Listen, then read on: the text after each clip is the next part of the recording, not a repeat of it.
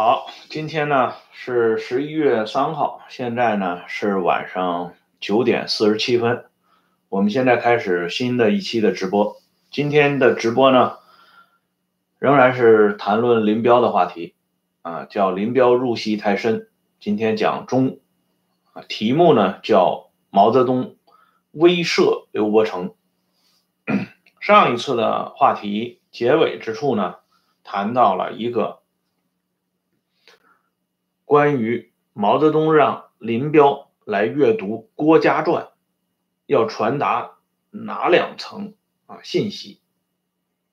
第一个呢，实际上是通过感谢这位朋友打赏啊，是通过《郭家传》向林彪传达毛与林之间的关系是密不可分的，而且很有渊源，渊源颇深。两个人在历史上的高度默契，才有了今天合作的大好局面。彼此呢，应该都有这么一个需要珍惜的地方。再一个呢，毛是希望林阅读《郭家传》，不光是回顾过去的一历史时光，同时呢，要展望一下眼前。他们最需要办的一件大事，那就是解决刘少奇集团，开拓无无产阶级司令部未来的广阔天地，这才是毛要传递的两层信息。而接下来呢，这个范晔传就更加深了毛的这一层的意图啊。范晔传呢，以往啊，高真义高先生呢。他在讲述林彪事件里边，实际上已经跟大家说过了。啊，一般大家的解读呢也是这样的，就是说毛希望林彪做国家，鞠躬尽瘁，不希望林彪做范晔，这是通行的一种解读。我在这里想要强调的是，毛泽东在一九六六年八月份这么一个特定的历史时间段里，让林彪看这个东西，如果在那个时候。就明确无误地表达出对林彪的这个防范，或者说已经对林彪产生了一定的疑虑，或者说是顾虑，这种解释呢，我认为是不完整的，啊，至少是不能够认真准确地概括出当时毛泽东和林彪之间的纯粹意义上的政治关系。范晔传呢，啊。我们注意到，范晔当时曾经担任过这么一个重要的职务呢，和这个军队掌握军队有一定的关系。但实际上，范晔的当时所处的地位同林彪相比没有任何可比性。我个人认为，啊，毛之所以让林彪读范晔传，其实一个更主要的原因是什么呢？因为范晔和郭嘉一样，都是曾经在主公跟前。晃悠的人物，而且呢，都是颇受颇受主公信赖的这么一个人物。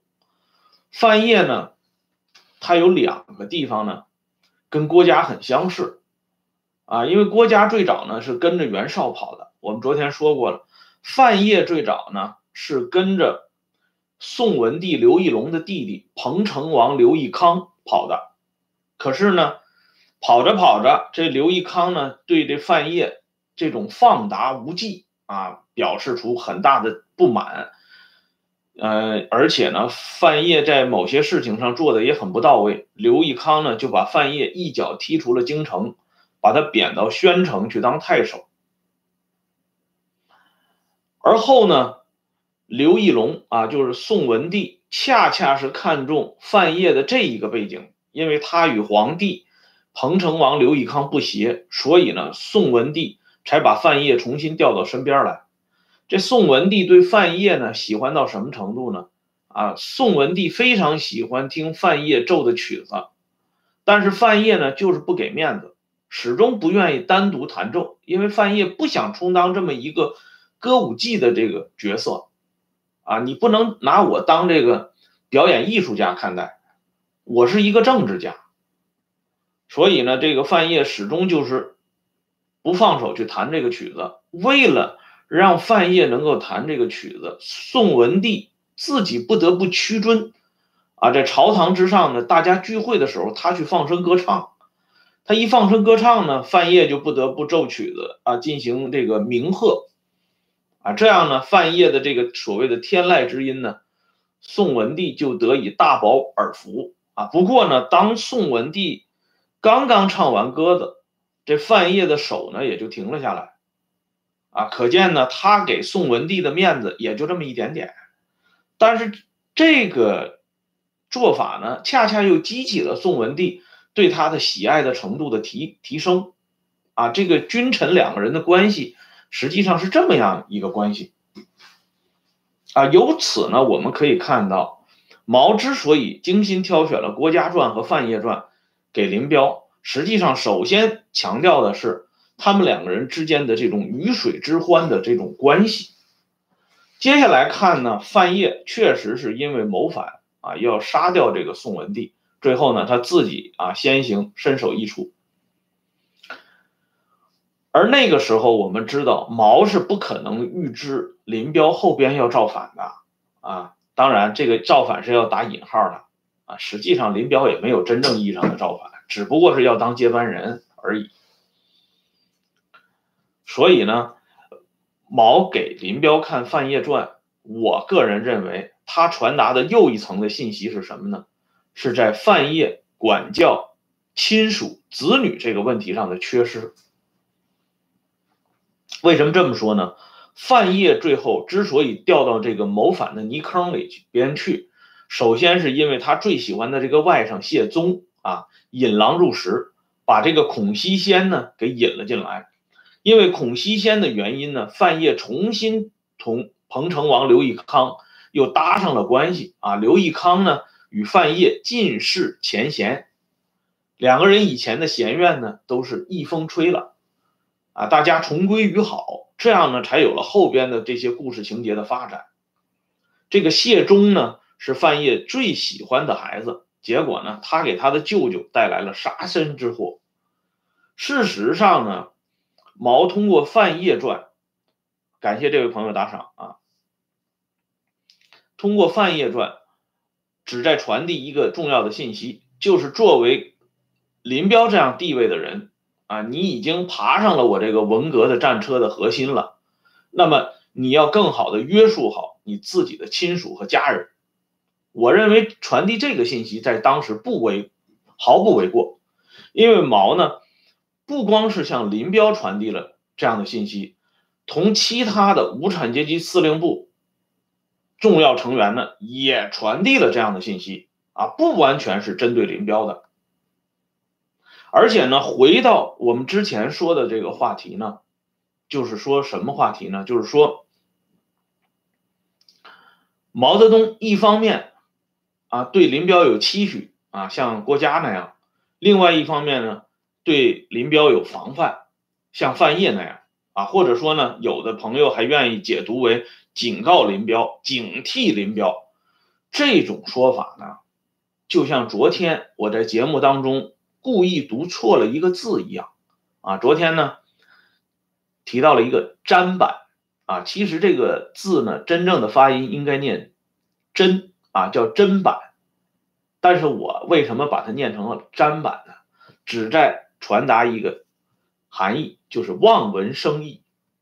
啊，因为这个字呢是一个石头旁边加一个战友的战，一般人看了以后呢，很容易念成它的这个近似的这个音砧板，但实际上它的音念砧板。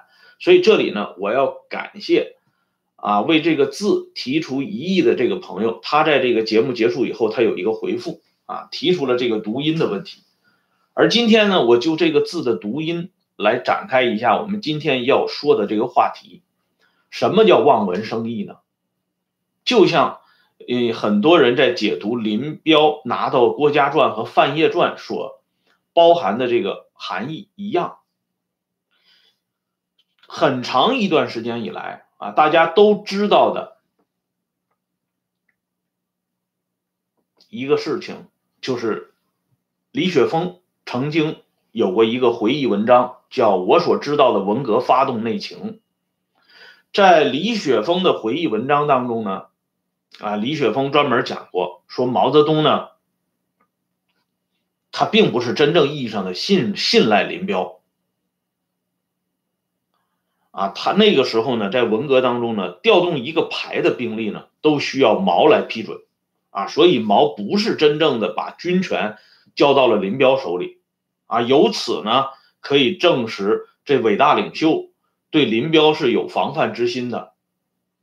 罗宇在他的回忆录里边呢，也认为毛是在利用林彪，不是真正的信赖林彪。事实上呢，他们的这些说法啊，是通过当事人的角度，或者是当事人传递过来的信息发出的这些意见。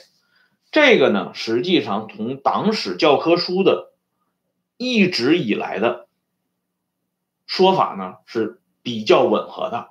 因为党史教科书呢，一直向我们灌输一种理念或者是要观念，就是伟大领袖没有被林彪所迷惑，伟大领袖在骨子里对林彪是有清醒的认识的。那么，给林彪翻案的人呢，也是一直在向我们传递和灌输一个理念或者是观念。那就是林彪对伟大领袖一直也是防范，一直也是警惕的，甚至林彪同伟大领袖呢是表面合作，实际并不合作。那么综合了党史教科书和这个哈林派啊给林彪翻案的这这一派的人的观点呢，大家呢有没有注意到一个共同之处？那就是无论是党史教科书，还是主张给林彪翻案的这些人。他们刻意的都回避了一个事实，那就是毛泽东同林彪有很长一段时间的蜜月期，他们曾经亲密的合作过，而且这种合作呢，到了你中有我，我中有你，难以分清的你我的这种地步了。而这两派呢，给伟大领袖遮羞的和给林彪翻案的这两派，都在回避这一个事实。而这一个事实呢，恰恰就展现在毛泽东给林彪指定阅读《郭家传》和《范晔传》这一个细节里边了。事实上呢，说到防范，今天我们这个题目叫毛泽东威慑刘伯承啊，你讲林彪怎么又说到刘伯承了呢？这就说到毛泽东的防范。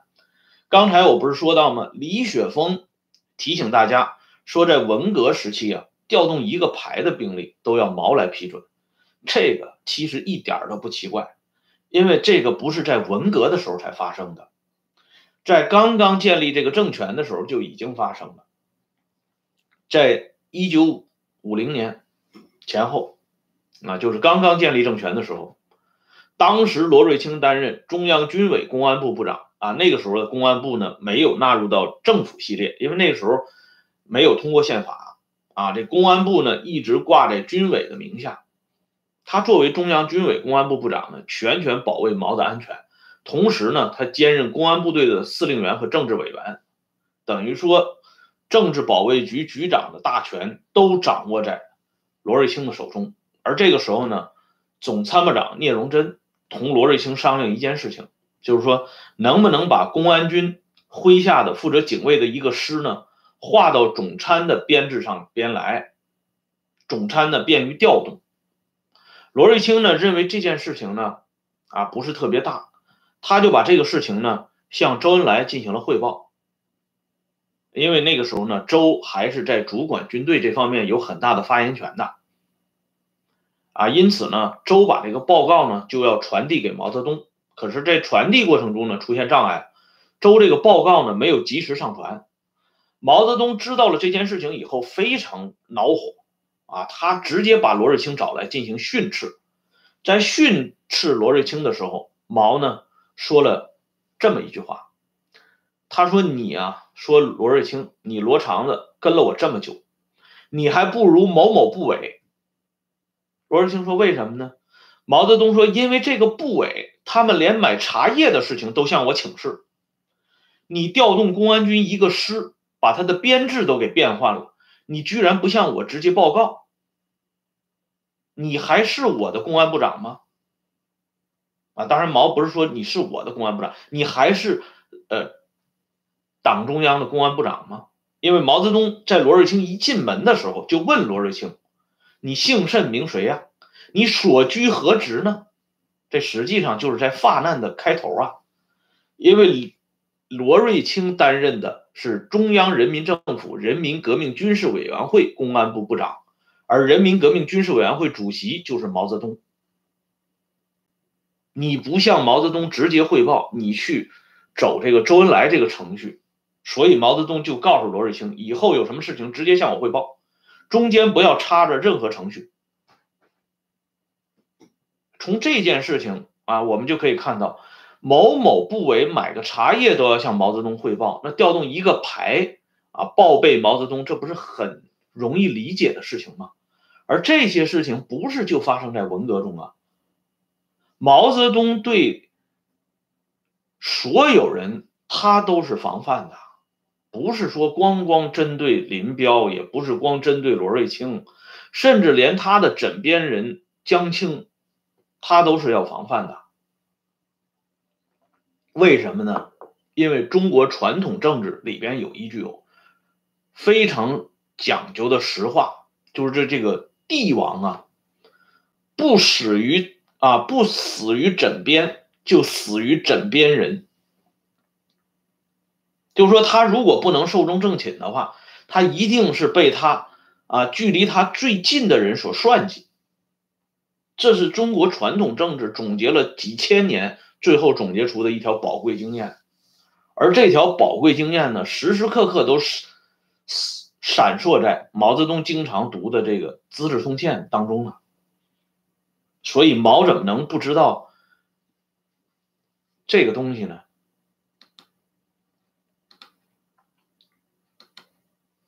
因此呢，我们看高文谦在晚年周恩来里边就提到了毛为什么同意批判四人帮。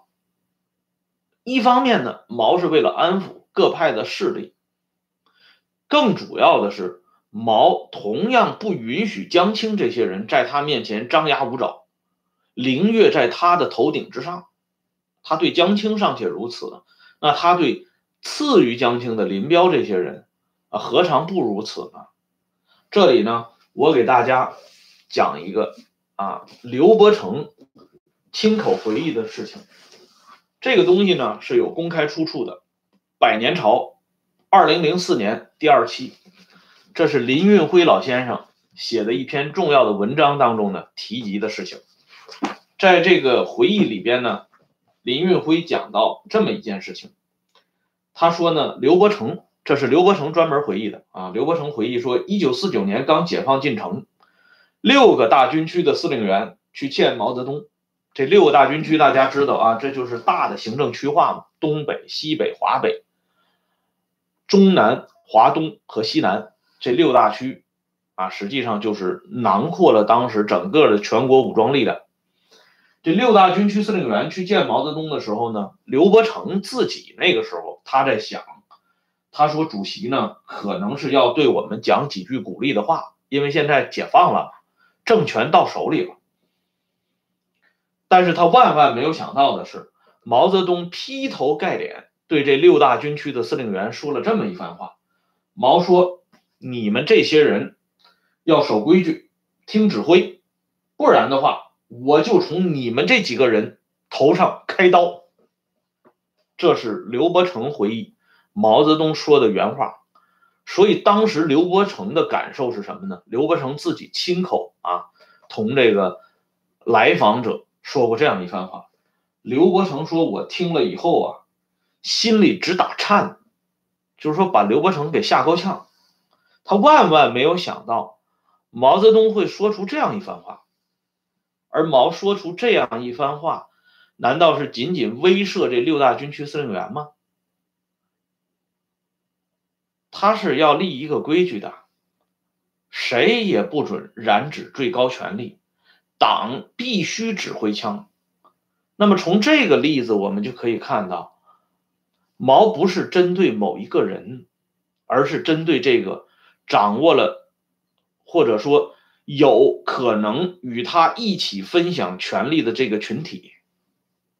当然，你要是解一定解读成毛泽东防范或者是警告、警惕林彪，这个也没有问题。但是我认为它不是全部的含义，这是一个具有普遍意义的事情。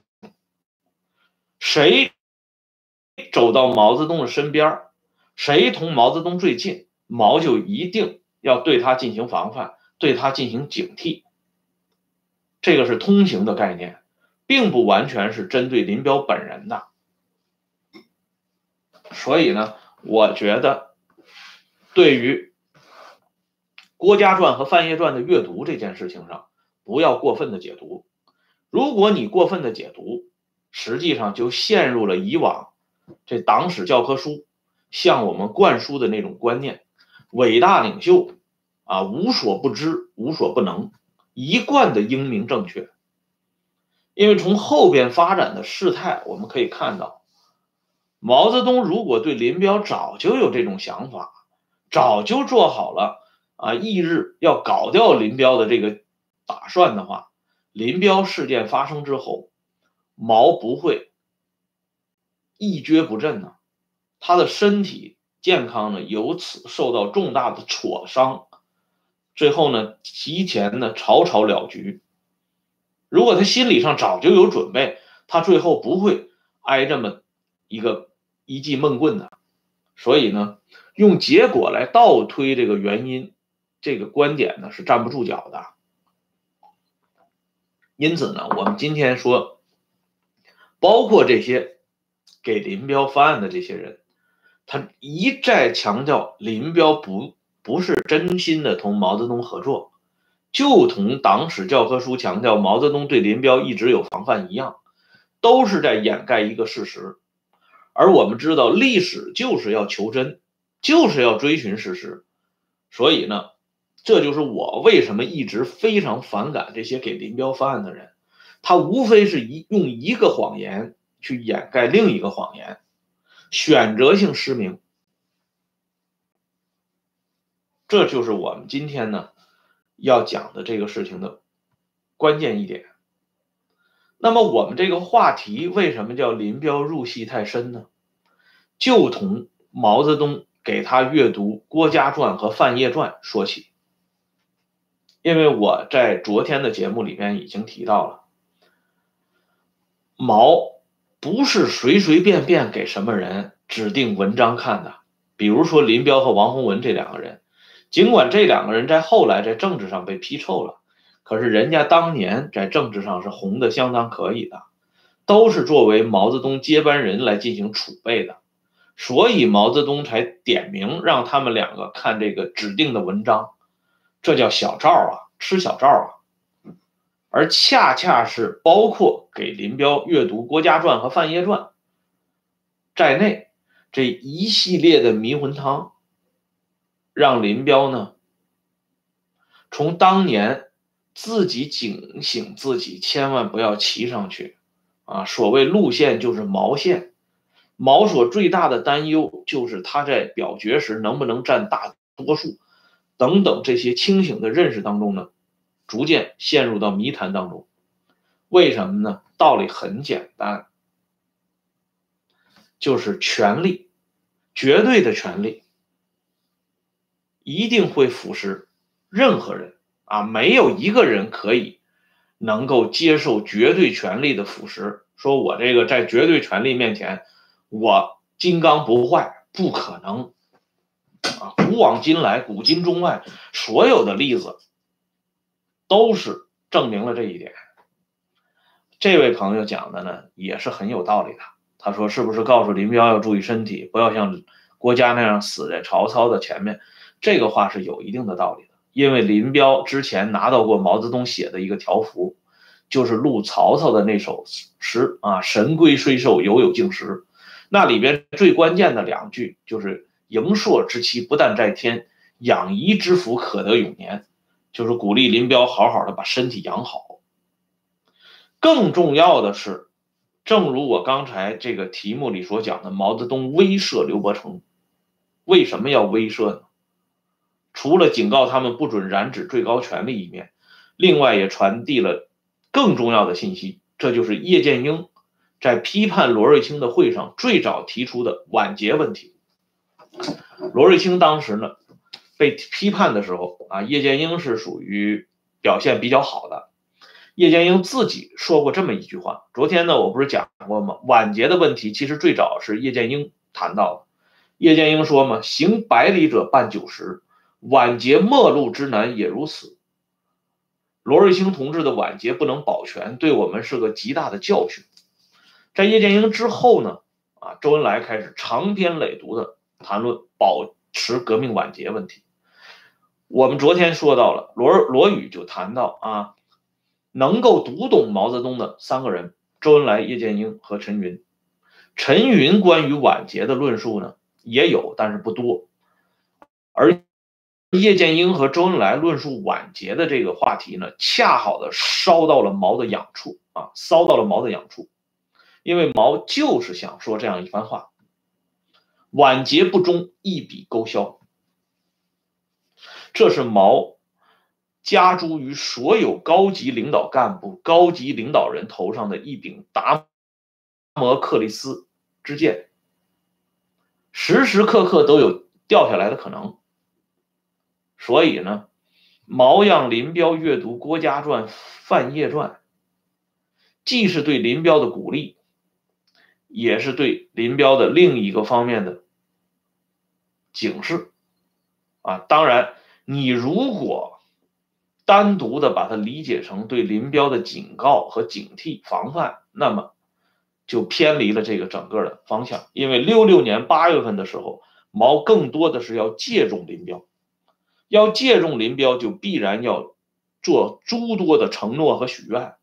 这些诸多的承诺和许愿，让林彪呢一步一步的啊迈进了不能自拔的泥潭当中。这个是没有办法的，人在江湖身不由己。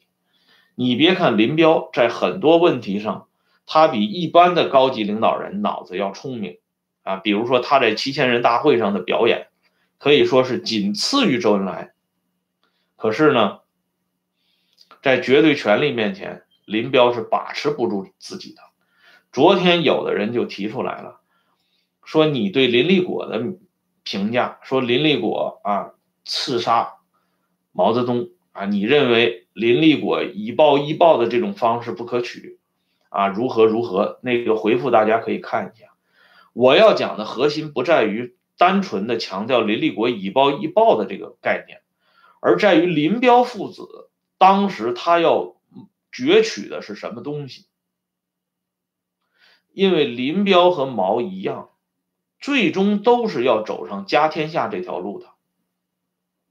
所以，以小一号的毛泽东去打倒大一号的毛泽东，从本质上讲没有任何区别。